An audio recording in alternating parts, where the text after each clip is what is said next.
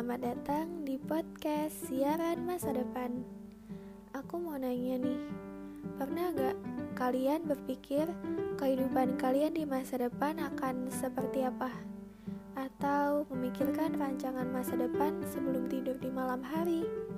Nyatanya, masa depan yang baik perlu persiapan dan kerja keras kan?